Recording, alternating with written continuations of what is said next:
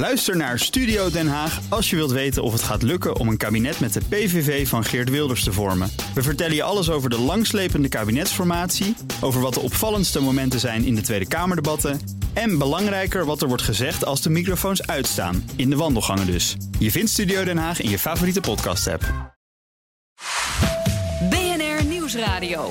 Boekenstein en de Wijk. Hugo Reitsma.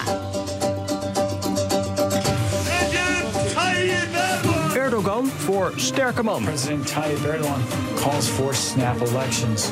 Turkey will now hold parliamentary Vrijheid en broederschap. En dood aan de Koerden. Erdogan 2018. bid to switch to an executive presidency that would give him enhanced powers. Vrouwen zijn de bloem der natie. En bloemen hebben ook geen rechten. Stem Erdogan. Ülkemizin geleceğine yönelik kararların Changing to the new system has become urgent. Erdogan voor president. Sultan en nationaal hoofdredacteur. Boekenstein en de Wijk denkt een beetje mee met Erdogans verkiezingscampagne. Op zoek naar de nieuwe wereldorde. Over de presidents- en parlementsverkiezingen volgende maand in Turkije, waar veel van afhangt voor de toekomst van het land.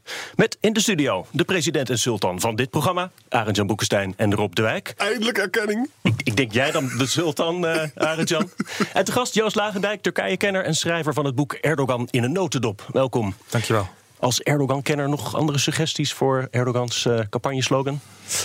Eh, nou ja, je weet dat hij eh, on- ongewild de oppositie een hele grote slogan heeft gegeven. Door te zeggen, eh, in het Turks dan natuurlijk, als het volk genoeg heeft van mij, dat is tamam. Ehm, en daarna is het geloof ik 2 miljoen keer eh, gebruikt Ja. als slogan op, op, op Twitter. Tamam. Ja. Tamam, genoeg. Zijn eigen tegenslogan bedacht. Wat, wat staat er op het spel bij deze verkiezingen? Waar gaat het nou over? Eh, het zijn natuurlijk twee verkiezingen op dezelfde dag. Eh, eh, parlementsverkiezingen. Nou ja, daar gaat het om. Hè, welke partij heeft, of welke partijen hebben de meerderheid in het nieuwe parlement. Maar belangrijker nog, de presidentsverkiezingen. Hè, mensen kunnen zich waarschijnlijk nog wel herinneren dat vorig jaar via een referendum is besloten om de president veel meer macht te geven. Ja. Dat gaat in na de volgende presidentsverkiezingen. Dus de nieuwe president heeft die grote macht. Nou ja, ik zou zeggen, natuurlijk wil Erdogan dat worden. Maar dat is geen gelopen race. Nee, spannend. Gaan we het zo verder over hebben. Rob, jij bent eh, van afstand bij ons. Eh, Meer macht voor Erdogan. Gaat, gaat dit dus over bij deze verkiezingen? Eh, bekijk jij dat met zorg? Ja, ik hou daar niet zo van. Ik hou niet van al te machtige mensen in een land. want dat leidt eigenlijk alleen maar tot een autocratie, tot een dictatuur. En ik vind dat Turkije behoorlijk eh, in die richting aan het opschuiven is. Dus voor mij hoeft dit, dit niet. Maar ja, het is pas wel in de trend. Ik bedoel, als je kijkt naar wat er in Rusland gebeurt, dan gebeurt er precies hetzelfde. Eh, wat dat betreft zijn Poetin en Erdogan eh, twee zijden van dezelfde medaille. En ik denk dat er heel wat eh, politici, ook binnen de Europese Unie, zoals Orbán, zitten kijken naar wat daar gebeurt. En denken, nou, dat zou ik eigenlijk ook wel willen. Ja, een presidentieel systeem hebben ze natuurlijk wel in, in wel meer landen. Hè? De Amerika en hebben ze Frankrijk in- ook.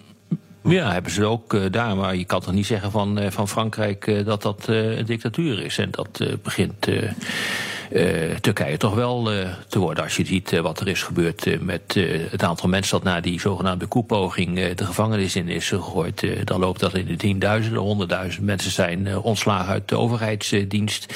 Eh, de media zijn totaal onder controle gebracht. Dat kan je toch niet zeggen van Frankrijk. Het is een beetje de opmars van de illiberal democracy. Hè? En Ja. ook nog het staatskapitalisme. En dat is ook een beetje aan, heel goed aan het doen in, in de wereld. Hè? Xi, Poetin, Erdogan, Orbán. Je ziet dat echt in, in, als, als onderdeel van één trend. Ja, omdat het namelijk ook eh, heel veel mensen het opkomende land denken van... nou, je zou dus ook kunnen kiezen voor de illiberal democracy. Dus geen rechtsstaat, wel verkiezingen... die je ook nog een beetje kan manipuleren. Hè? Ja. Meneer Lagendijk, de, de verkiezingen zijn meer dan een jaar naar voren gehaald. Waarom heeft Erdogan zo'n haast? Ehm, dat heeft hij niet openlijk gezegd, maar iedereen gaat ervan uit dat het gaat over de economie. De Turkse economie die zit al een aantal jaren in zwaar weer. En eh, de inschatting is denk ik ook van Erdogan dat, dat het hem niet meer gaat lukken om dat nog, de effecten daarvan nog anderhalf jaar voor zich uit te schuiven. Vandaar dat hij nu, nu het nog relatief goed gaat, denk ik, eh, wil eh, incasseren, wil cashen. En niet wil wachten tot volgend jaar november. It's the economy, stupid. Dat is gewoon de... Ja, en hij zegt de gekste dingen. Hij was dus bij, bij investeerders in Londen. En dan zegt hij van nee, ik ga, de rente moet juist laag blijven. Ik moet ook een beetje monetaire beleid zelf gaan doen. Want dat is juist goed om de inflatie naar beneden te krijgen. Nou, iedereen weet dat dat andersom is. Je moet er hoger. Dus hij, het is ook een beetje van het padje af, als ik het mag zeggen. Oh, want hij was toch Maar wat dat betreft, eh, als ik, als ik mag even een vraag stellen... van die groei van die economie, die gaat, nou, dat gaat niet zo heel erg slecht. Volgens mij is dat 7% Die inflatie is verschrikkelijk, 13% Het banksysteem werkt behoorlijk goed. Dat is waarschijnlijk eh, een van de redenen waarom eh, eh, die economie nog niet instort. Maar wat is nou volgens Lagendijk eh, echt de verklaring van eh, die economische malaise... die feitelijk toch eh, een reden is eh, voor Erdogan om die verkiezingen eh, te vervoegen? Ja, het is een beetje de afgelopen jaren eh, in het Engels economy on steroids. Eh, er wordt door de, door de regering de afgelopen jaren al miljarden ingestoken om met name de, de bouw. Hè, want Hele grote projecten hele ook, grote projecten, bruggen, nieuwe luchthaven, nieuw- Paleizen. noem maar op. Om, om dat aan, aan, eh, aan de draai, aan het draaiende te houden. Eh, en dat is dus ten koste gegaan van de inflatie. Ja. In de dubbele cijfers. Eh, de Turkse lira, de Turkse munt, heeft enorme waarde verloren. En met name heeft Turkije een groot probleem doordat ze meer importeren dan exporteren. Krijgen een tekort op de lopende rekening. Ja. En dat gat moet worden gevuld door buitenlandse investeringen. Ja. En die gaan natuurlijk nu nadenken, als ze horen wat hij in Londen zei van eh lage inflatie is. Nou ja, dat is tegen alle economische wetten in. En, eh, maar het zijn met name lopende rekening, slechte munt en, ehm, en het eh, inflatie die, die Turkije de nek om dreigt te doen. Turkije heeft klassiek boom- en bust policies. En ze hebben altijd dat tekort op de lopende rekening gehad. En ze krijgen het niet voor elkaar om dat om te turnen. Hoe, hoe staat de oppositie daarvoor? De oppositie die was natuurlijk toch een beetje verrast door deze aankondiging. Want iedereen had verwacht, misschien vervroegde verkiezingen, maar niet anderhalf jaar van tevoren. Maar tot ieders verbazing eigenlijk eh, staat hij er op dit moment heel goed voor. De, de grootste oppositiepartij, de, de JHP, de oude partij van Atatürk. Ja. Die hebben een, iemand als lijsttrekker benoemd. Niet, niet de partijvoorzitter, maar iemand anders. En die doet het in de Goed. peilingen, doet het goed. Eh, offensief optreden. Eh, en daarnaast heel erg belangrijk en gevaarlijk voor Erdogan... is dat er een nieuwe partij is opgericht, eh, een half jaar geleden. Met een wat rare naam, de Goede Partij. Is ook, is ook een Turks een beetje een rare naam. Maar dat is een centrumrechtse partij van mevrouw Akşener. Oh ja. En die haalt dus veel wat meer conservatieve centrumrechtse kiezers bij Erdogan weg. En die twee, die Akşener centrumrechts en Inge heet hij, de, de, de man van Centrum Links. Dat zijn echt wel twee eh, bedreigingen voor Erdogan. En die hebben nu ook nog besloten om de krachten te bundelen. Hebben een soort regeringscoalitie gesloten. Dus tot vele verbazing staat de oppositie er op dit moment goed voor. Ja. Joost, en dat moet je meer uitleggen. Want het is ongelooflijk interessant. Ik, hoor, ja. ik hoorde van andere eh, mensen die Turkije goed kenden ook. Die mevrouw is heel succesvol, die je net noemde. Actionair of. Actionair, actionair. En die heeft ook... Het wordt, wordt vergeleken op bepaalde ni- niveaus, ook met Front Nationaal. Ja, ze, ze- haar achtergrond is, is eh, streng eh, Turks nationalistisch. Ja. Ze, is ook, ze is minister geweest in de jaren negentig voor de, voor de MHP, een- de nationalistische partij. Oh ja. Eh, Die heeft ze geprobeerd anderhalf jaar geleden over te nemen.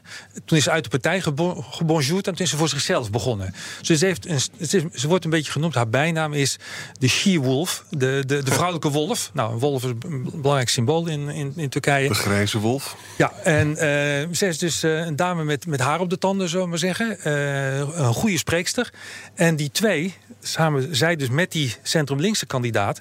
die maken het in ieder geval op dit moment eh, Erdogan redelijk lastig. Ook omdat ze dus een coalitie gesloten hebben voor de parlementsverkiezingen... met nog twee andere partijen. Dus er is eigenlijk een oppositieblok... plus nog de Koerden. Dat zijn eigenlijk de twee opposanten. En daardoor zegt u, is het nog geen gelopen race voor Erdogan? Het, het is geen gelopen race. Eh, dat heeft dus te maken met die samenwerking van de oppositie, waardoor er waarschijnlijk minder stemmen verloren gaan. Het heeft er ook mee te maken dat Erdogan toch, eh, hoe je het ook went of keert, last heeft van metaalmoeheid. Eh, na zoveel jaar aan de macht geweest te zijn, 15 jaar, dat zie je. Dus hij, hij is niet de eerste politicus die daar last van krijgt. En je zag het bijvoorbeeld een week geleden toen hij zijn programma bekend maakte. Dat mensen zeiden, ja, oké, dat is dus meer van hetzelfde. Meer bruggen, meer wegen eh, en eh godspe, meer democratie. en eh, dus de, de, de, de, de glans is er een beetje afgegaan bij Erdogan. En dan heb je dus twee nieuwe spelers die zeggen... joh, die oude stuurman, die is moe, laten wij het overnemen. Dat is veel beter voor het land. En dat slaat toch aan. En, en wat als hij het niet wint? Is het dan einde, einde Erdogan? Dat zou je wel mogen hopen, maar dat is geen. Volgens de regels is dat is geen gegeven. Ja. We, we- we hebben natuurlijk vorig jaar gezien bij dat referendum dat er wel degelijk gesjoemeld is. eh, fraude bij een, een deel van de stembussen. Eh, de- ik denk dat de oppositie heel goed gaat opletten of dat niet nog een keer gebeurt. Eh, en de vraag is natuurlijk, legt Erdogan zich neer ook bij een kleine nederlaag? Als het zeg maar 51 in de tweede ronde dan bij de presidentsverkiezing 51 49 wordt. Ja, er zijn een hoop mensen bang dat hij dat niet gaat doen. En dan toch een, een, een konijn uit de hoge hoed gaat toveren. Maar ja, dat doet hij toch al, eh, die konijnen uit de hooghoek. Want als ik eh, het goed begrijp, dan heeft hij eh, geprobeerd om die goede partij, waar inderdaad wat een naam, om die buitenspel te manoeuvreren. door die verkiezingen ook naar voren te halen. waardoor ze niet binnen de wettelijke termijn hun partijcongres Ja. konden organiseren. Ja. Of is dat mislukt? Hoe kijk je daar tegenaan? Ja, interessant, interessant punt. Dat was de opzet, eh, klopt. Maar toen, en dat was het eerste signaal van samenwerking binnen de oppositie... dus een beetje een ingewikkeld verhaal. Die goede partij is een afsplitsing van een andere partij... hebben vijf zetels in het parlement en zijn daarmee geen fractie. Want dan heb je er 20 voor nodig. Toen zijn er 15, Ja, je hebt- ja, 15 kiesdrempel van parlementsleden. 10%. Kies, kiesdrempel van 10%. Toen zijn er 15 parlementsleden van de Sociaaldemocraten overgestapt naar die goede partij. Ideologisch een totaal andere partij. Ja. Waardoor ze op 20 kwam. En recht had om zichzelf en de partij te kandideren voor de volgende verkiezingen. Ah. Dus de hele opzet van Erdogan was mislukt. En nu is dat gelukt en nu zijn ze ook weer teruggegaan naar hun oude partij. Dat gaf dus aan dat de oppositie erin zag dat ze belang bij hadden dat er twee sterke partijen tegen Erdogan op zouden kunnen Is de goede partij seculier? Ja, Dat is interessant. In, in Nederland is het zo dat de Nederlanders met Turkse komaf... die stemmen voor drie kwart op Erdogan. Hè? degene die gaan stemmen. Ja. ja. Zou die nieuwe mevrouw ook hier die stemmen kunnen trekken? Zeker, zeker. Ehm, he, het- even ter correctie: 70% van de Turken die gaan Turks die gaan stemmen. Exact. Van de, van de kiesgerechten, de Turks Nederlands, gaat 55% namelijk niet stemmen. Exact. Eh, uit, de- uit- onder het mom van ja, waarom zou ik gaan stemmen voor Turkije? Ik woon hier. Eh, maar van degenen die gaan stemmen, eh, denk ik dat zij het meest in staat zal zijn om oude AKP-mensen, toch centrum-rechts, lokken. conservatief, om die te lokken. En wat zou dat met Denk doen dan hier bij ons?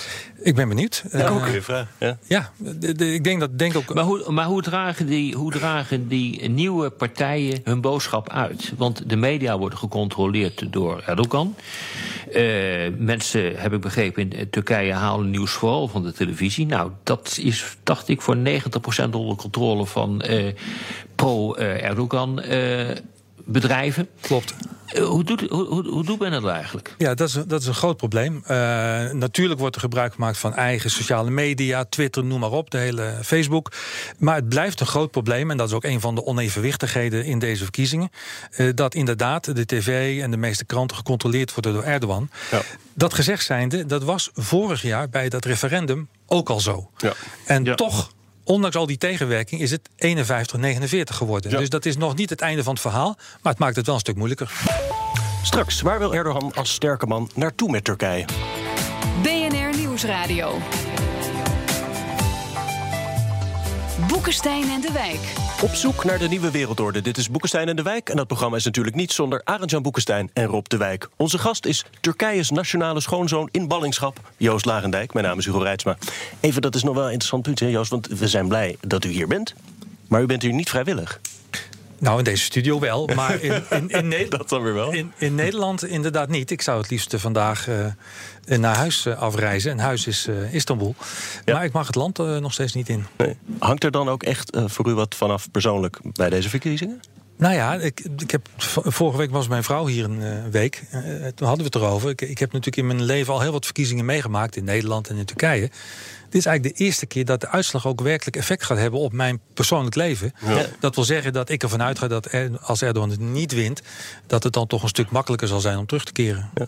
Nog even een puntje eh, dat we eigenlijk hadden laten liggen in het vorige blokje. Je hebt natuurlijk nu ook nog de, de noodtoestand nog steeds. Hè? Na de, de koep van, van twee jaar geleden. Of zoals ik Rob hoorde zeggen, de zogenaamde koep. Rob, moet je daar trouwens nog wat over zeggen? Nee, of het wordt zogenaamd? Nee, ja, ik, ik, weet nog, ik weet nog steeds niet precies wat daar, eh, wat daar gebeurd is Nee. en wie daar nou precies achter heeft eh, eh, gezeten. Nee, dat er kennelijk een koepoging is geweest, dat is wel duidelijk. Ik wil het ook niet bagatelliseren wat daar gebeurd is. Ja. Alleen eh, de consequenties die eruit zijn getrokken, ook voor eh, hele grote groepen mensen, heeft eh, meer te maken met een afrekening eh, met politieke tegenstanders dan met die koep, denk ik. Ja, ik zie Joost Lagendijk knikken daarbij. Ja, klopt. Ja. En die noodtoestand, is dat nu nog van invloed eh, bij de verkiezingen, bij de stembusgang? Nou ja, die noodtoestand geeft de regering of geeft de president eh, grote bevoegdheden. Bijvoorbeeld het beperken van de vrijheid van samenkomst. Dus uh, ik geef je op een briefje dat er als er grote bijeenkomsten uh, gepland staan van de oppositie. dat van dat soort artikelen in de noodtoestandwet ja. gebruik gemaakt zal gaan worden. Ja. Waar wil Erdogan heen met, met Turkije? Jan, jij zei er al wat over. Hoe, hoe zie jij dat dat land zich over de wat langere termijn ontwikkelt. Ja, het, is, het, is, ontzettend spannend. Hè? Erdogan had allemaal hele grote plannen. Hij wilde een grote rol in het Midden-Oosten spelen. En dat is eigenlijk helemaal niet gelukt. Hè? Dat komt ook omdat Arabieren hebben een hele slechte herinnering aan het Ottomaanse Rijk. Hè? Dus dat is eigenlijk is hij vastgelopen. Vervolgens heeft hij dus uh, ruzie gekregen met uh, zowel met Syrië, want hij is natuurlijk tegen Assad. Hij, Israël is natuurlijk ook misgegaan vanwege dat flotille en zo. En nu is het grote vraag wat er dan gaat gebeuren tussen Iran, die toch een Syrië een beetje gewonnen heeft. Joost denkt, vertelde hij ons van... Uh, nou, er zal wel een deal komen over de Koerden... als de Koerden dus maar niet aan die grens uh, zitten. Hè? Dat zal zo zijn. Maar je kan nou niet zeggen dat de buitenlandse politiek van Erdogan... nou zo succesvol is geweest. Hij koopt wapens bij Rusland. Ja, als NAVO-land. Als NAVO. Ja, daar, zijn, daar is de NAVO natuurlijk bijzonder ontevreden over. Ik zie, ik zie niet zo goed wat het gaat worden. Ik ben, ik ben ontzettend benieuwd als, als hij dus echt weg zou gaan, dat, dat zou dus. Ik begin daar dus nu een beetje met die rekening, uh, met die mogelijkheid rekening te houden. Als die nieuwe mevrouw komt en we krijgen seculieren, wat wordt dan de buitenlandse politiek van, uh, van Turkije? Ja, nou ja daar, daar, zijn natuurlijk meer mensen die zich uh, daar het, het, hoofd over buigen. Het is nog een beetje onduidelijk. Hè. De thema's in de verkiezingen zijn geen buitenlandse thema's. Het gaat mm. over de economie met name. Ja. Toch een beetje op dit moment de Achilleshiel van, van Erdogan. Dus daar zet de oppositie sterk op in. Ik denk dat je een veel voorzichtiger uh, buitenlandse politiek gaat krijgen. Of meer traditioneel op het Westen, op de NAVO, op Europa gericht. En niet dat avontuurlijke, toch een beetje wilde uh, buitenlandse politiek van de afgelopen decennia, of decennium, waarbij uh, Turkije de, probeerde de leider van de Soenitische moslims te worden. Ja. Uh, dat is mislukt. Uh, maar Joost, als, weet je, als ik in Istanbul ben, ik ben er heel veel geweest in een bepaalde periode van mijn leven.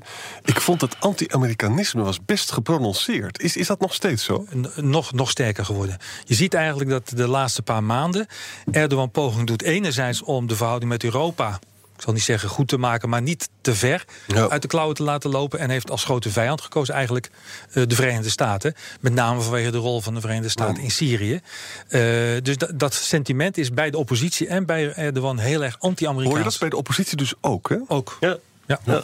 Maar wat voor. Maar ik denk eerlijk, ik, nou, ik denk eerlijk, ik denk eerlijk gezegd dat uh, Erdogan wel weet wat hij met Erdogan wil, maar niet wat hij met Turkije wil. Want anders zou hij niet zo'n enorm zwabberend beleid hebben gevoerd. Als je kijkt wat hij over de Europese Unie heeft gezegd, uh, half jaar geleden wilde hij nooit meer wat met die club te maken hebben. Afgelopen maart, tijdens een EU-bijeenkomst van EU-leiders in Bulgarije, volgens mij, mm -hmm. heeft hij gezegd: nee, nee, ik wil toch lid worden van de Europese Unie. De NAVO. Ik zit op dit ogenblik in, in Bratislava bij de Globsec-conferentie. Ik uh, hoor, heb net uh, geluisterd uh, naar de plaatsvervangend secretaris-generaal van de NAVO. Dat is een Turk, meneer Ildem. En die zegt van ja, kijk eens, wij zijn toch een speciaal land. Want wij liggen in tegenstelling tot allerlei andere landen binnen de NAVO en de Europese Unie in een oorlogszone. Kijk eens wat er gebeurt. En we hebben ook het meeste problemen met terrorisme. Maar we willen wel binnen de NAVO blijven. En we willen ook, by the way, bij de Europese Unie horen. Terwijl ik diezelfde man een tijd geleden weer wat anders heb horen zeggen. Dus ik denk dat ze gewoon helemaal niet weten wat ze, uh, wat ze willen. Want het beleid in, uh, in Syrië is ook nou niet echt geweldig positief geweest. Overigens, ja. na, de, na de bezetting van Afrin, uh, dus dat is uh, in Noord-Syrië, is, uh, heb ik gezien, de populariteit van, van Erdogan wel gestegen. En heeft daar toch wel een nationalistische reactie op gebracht. waarvan ik denk dat hij daar nu ook gebruik van maakt bij die ver, vervoegde verkiezingen. Ja, ja dat, dat, effect was er zeker, maar dat effect is al een beetje aan het wegebben. Mm -hmm. En er wordt nu op, op gespeculeerd. En ik zag net de laatste berichten dat er nu weer door Turkse vliegtuigen hevig gebombardeerd wordt in Noord-Irak, PKK-kampen. Dat er wellicht voor de verkiezingen toch weer een soort nieuwe inval zal zijn, dan ditmaal niet in Syrië, maar in Irak. Omdat inderdaad de, de ervaring is dat als er zo'n inval is, dat dat het nationalisme hoogtij viert en dat de, de zittende president daar het meeste voordeel uh, van heeft. Dus op dit moment is het aan het wegebben en uh, ik hou me hard vast dat er een nieuwe poging wordt gedaan om het weer uh, ja. op te kloppen. Ja. Kan, Europa hier nog ergens een positieve rol in, in bij dat, dat buurland spelen of moeten we dit allemaal leidzaam bekijken? leidzaam weet ik niet, maar ik zie Europa nog niet. Kijk, Europa heeft natuurlijk ook niet, eigenlijk een, niet echt een Syrië-strategie. Is daar verdeeld over. En ehm, op dit moment, kijk, een van de redenen waarom Turkije nu met de Russen zaken doet, is omdat men denkt: ja, kijk, als wij iets willen in Syrië, dan kunnen we wel samenwerken met de Amerikanen die zitten daar tijdelijk, die gaan weer weg. Europeanen hebben geen politiek. Dus als wij iets willen, uh, vinger in de melk in willen brokkelen, dan moeten we met de Russen uh, samenwerken. En dat zie je nu ook gebeuren. Hè. Het waren de Russen die de Turken toestemming hebben gegeven om Afrin binnen te vallen. Ja. En, en dat is de coalitie die ze dit moment gekozen hebben. Ja, maar dan misschien niet zozeer op wat Turkije doet in Syrië, maar wat de koers is die Erdogan zal varen. Ik bedoel, het land is formeel nog steeds kandidaat lidstaat.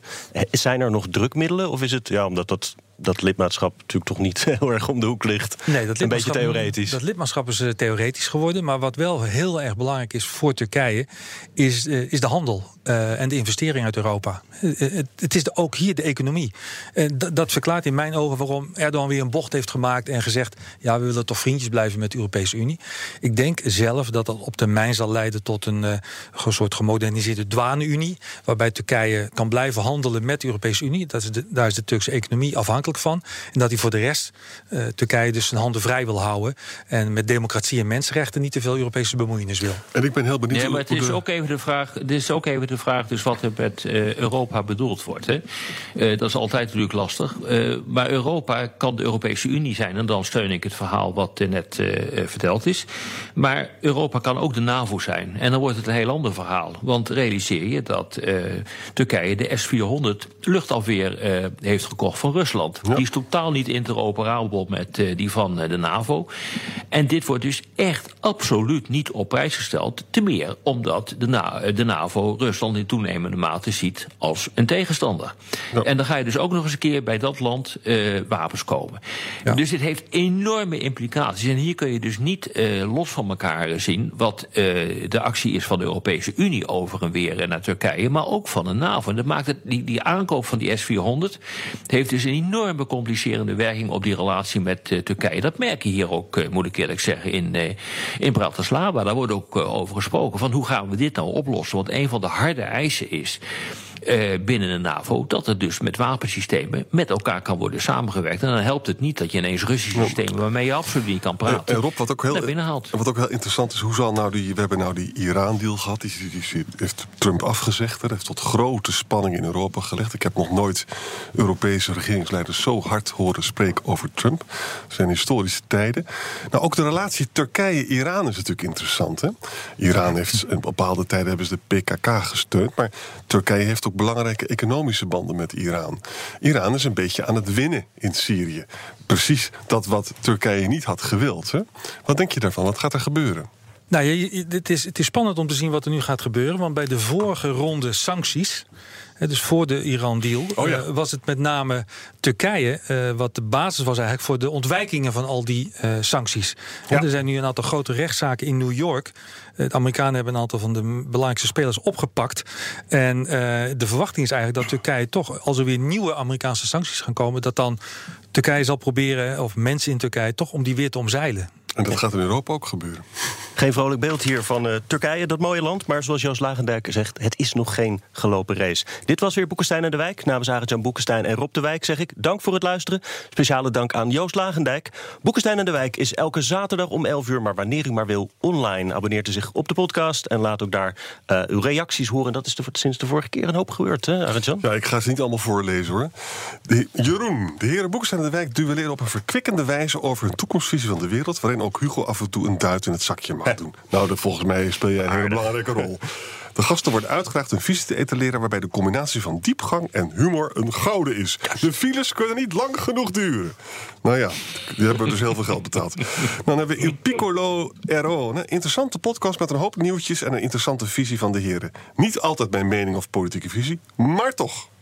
En dan zeker meneer Hummel. We hebben dus allemaal anoniem, hoor je dat? Oh. Heel goed en scherp. Ook en misschien wel vooral als er gasten zijn waar Boekenstein en de Wijk het niet per se mee eens zijn. Zoals Bas Belder. Ja, vorige week. Ja. Mooie uitzending was dat. Leuk, al die reacties. Nog iets anders leuks. Uh, volgende week nemen we donderdag de uitzending om uh, 12 uur op op de Campus Den Haag, locatie Wijnhaven. Uh, gaan het hebben over de relatie tussen Amerika en, en Europa. En hartstikke leuk als jullie daar langskomen. Neem iedereen mee. Stel je vragen live aan Rob en Arend Azerbeidzjan. Dus graag tot volgende week in Den Haag. Ook Liesbeth Staats vind je in de BNR-app. Ja, heel handig. Luister live naar Kees en mij tijdens de Daily Move. Dan blijf je ook gelijk op de hoogte van breaking news en het laatste zakelijke nieuws. En daar vind je ook alle BNR-podcasts, waaronder de Perestrooikast. Download nu de gratis BNR-app en blijf scherp.